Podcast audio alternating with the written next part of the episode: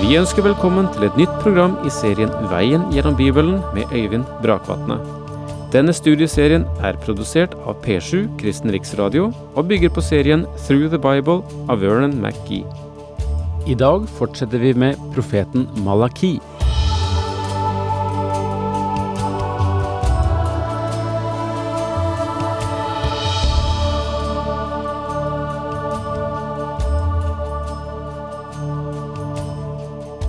I lys av det spørsmålet som eh, Malaki tar opp om forholdet mellom givertjeneste og gudsfrykt, har vi sett lite grann på forholdene i Det gamle testamentet, slik eh, givertjenesten var ordnet der, og som Herren hadde gitt forskrifter om. Og så har vi sett litt på givertjenesten slik den eh, viser seg og utkrystalliseres i Det nye testamentet. Vi har holdt disse sammen, og jeg har sagt litt om givertjenesten.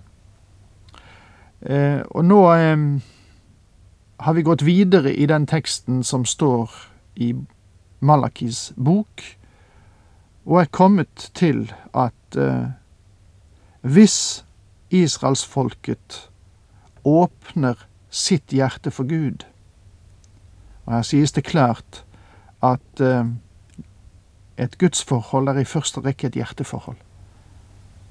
Ikke et spørsmål om å gi gaver, men i første rekke et hjerteforhold. Men ut av dette kommer gaver. Men om Israel åpner sitt hjerte for Herren, så vil Herren også åpne sitt hjerte og sine velsignelser for Israels folk. Det er et vekselsforhold mellom å gi og ta imot i Guds rike. Og det finnes både i Det gamle og Det nye testamentet. Vi befinner oss i vers 11 i kapittel 3 hos profeten Malaki. Jeg vil skremme gresshoppene bort fra dere så de ikke ødelegger grøden på marken. Frukten skal ikke slå feil på vintrærne i hagen, sier Herren allherrs Gud så de ikke ødelegger grøden på marken. Frukten skal ikke slå feil på vintrærne i hagen, sier Herren allherrs Gud. Med andre ord ville deres anstrengelser gi stor avkastning. Herren ville bevare dem, også rent materielt sett, ved å gripe inn i naturforholdene. Da skal alle folkeslag prise dere lykkelige, for da har dere et ønskeland, sier Herren allherrs Gud. Da Israel var rett i forhold til Gud, ble de en velsignelse for andre folkeslag i verden. Ærlighet mot Gud, og du kan ikke ha hellighet uten ærlighet, var det som gjorde dem til en velsignelse for alle folkeslag. Hos profeten Zakaria kapittel 8 vers 13 leser vi like som dere har vært en forbannelse mellom folkeslagene, du Juda ett og du Israels ett, skal dere bli til en velsignelse når jeg frelser dere, så frykt ikke, men fatt mot. Dette peker fremover, men Gud sa da at han ville gjøre, dem til en velsignelse for folkeslagene. Når Israel tjener Gud, blir det til velsignelse for alle folk. I vers 13 kommer vi til den åttende og siste spydige bemerkning som israelsfolket uttaler som svar på Guds påstander. Gjennom profeten utfordrer Gud folket, men de trekker på skuldrene og later som de ikke kjenner noe til dette. Dere taler harde ord mot meg, sier Herren, og likevel spør dere, hva er det vi har sagt mot deg? Folket svarte, vi kan faktisk ikke huske at vi har sagt noe mot deg. I hvert av sine svar peker Gud klart på hva det dreier seg om. Dere sier, det er fåfengt å dyrke Gud. Hvilken vinning har det gitt oss at vi rettet oss etter det Han har fastsatt, og gikk i botsdrakt for Herren, allherrs Gud? Israel sier altså, hva godt er det i at vi tjener Gud? Det er tomhet. Og for dem er det tomhet fordi deres hjerte ikke er i det.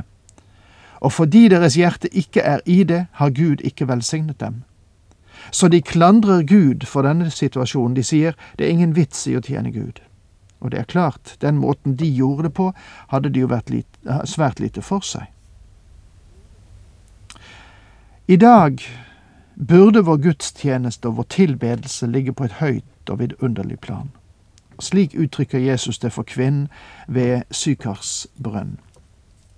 Jesus sier til henne, Tro meg, kvinne, den tid kommer da dere verken skal tilbe Faderen på dette fjellet eller i Jerusalem. Dere tilber det dere ikke kjenner, men vi tilber det vi kjenner, for frelsen kommer fra jødene. Men den tid kommer, ja, den er nå, da de sanne tilbedere skal tilbe Faderen i ånd og sannhet. For slike tilbedere vil Faderen ha. Gud er ånd, og den som tilber ham, må tilbe i ånd og sannhet. Jesus fortalte denne kvinnen at timen er kommet når de sanne tilbedere ikke skal tilbe Gud på fjellet, men tro meg, fremdeles ofres det blodoffer på dette fjell. Han sa heller ikke Jerusalem. Tilbedelsen er ikke knyttet til by eller sted. Den Herre Jesus fortsatte med å si at sanne tilbedere skal tilbe Gud i ånd og sannhet. De kommer til å elske Guds ord. De ønsker å tjene ham, de ønsker å lyde ham, de vil tilbe ham og lovprise ham. Det var tomhet og helt forgjeves for disse menneskene på Malakis tid å tilbe Gud. Men problemet lå ikke hos ham. Problemet var i dem. En mann var lagt inn på sykehus, og en av mine kolleger besøkte ham for en tid siden. I gangen utenfor sykerommet møtte han hustruen som sa at legen trodde at den syke snart ville dø. Min kollega gikk inn for å be med ham, kanskje si et oppmuntrende ord og styrke ham på reisen inn i evigheten. Da presten kom inn, sa pasienten, Jeg holder på å fryse meg i hjel. Kunne du være så snill å ta det teppet der borte og legge over meg? Og det gjorde han. Men rommet var mer enn varmt. Men mannen trodde at han holdt på å fryse i hjel.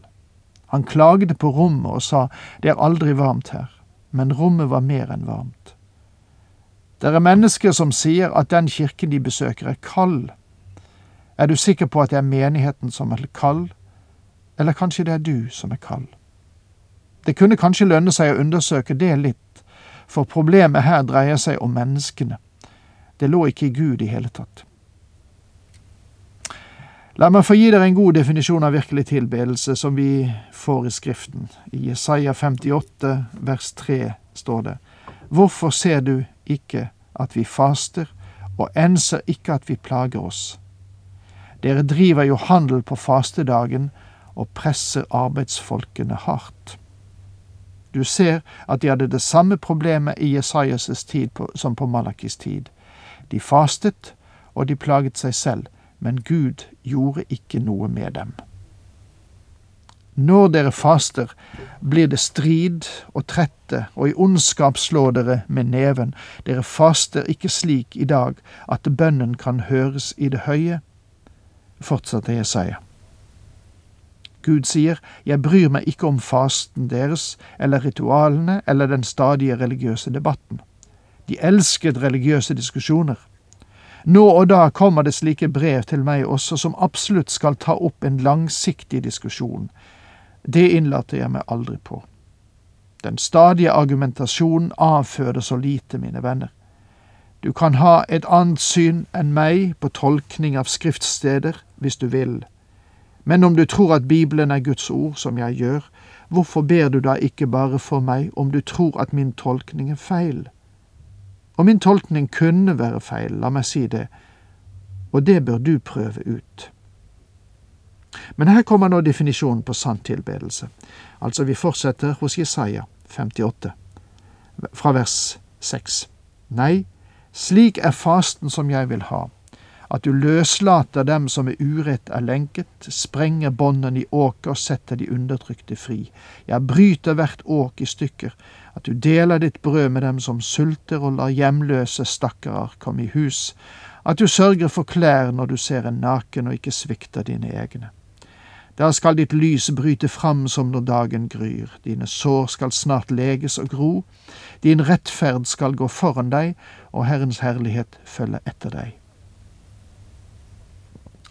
Det Jesaja sier, er at når du kommer for å tilbe Gud, vær sikker på at din tilbedelse understrekes av ditt liv.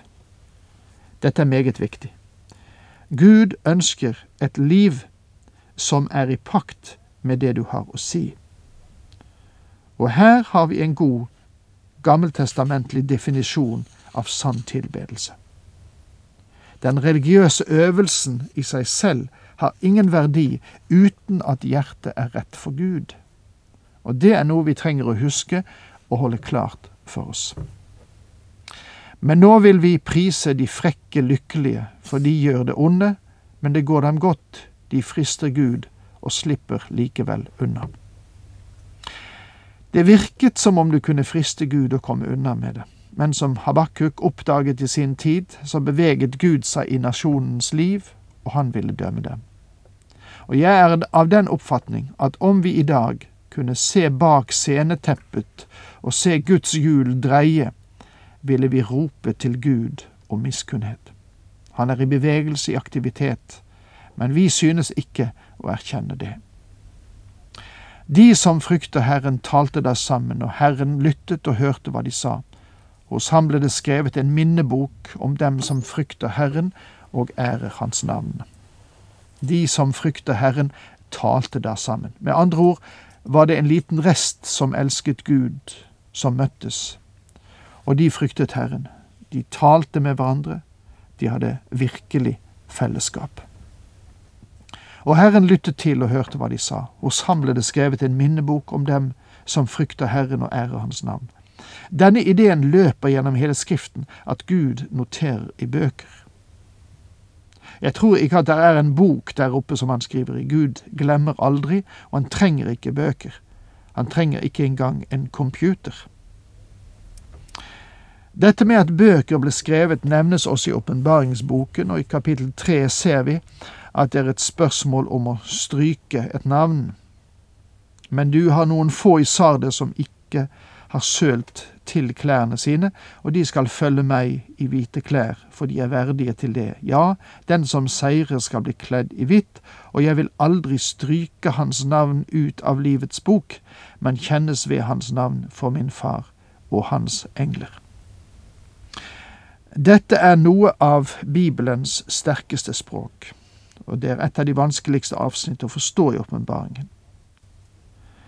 Jeg tror ikke Gud har en samling bøker som han holder a jour i himmelen, men eneste måten vi kan forstå ham på, er ved det språkbildet som han bruker. Jeg kan forstå det når han sier at han skriver inn et navn i livets bok. Og med det må jeg si takk for nå, Herren med deg.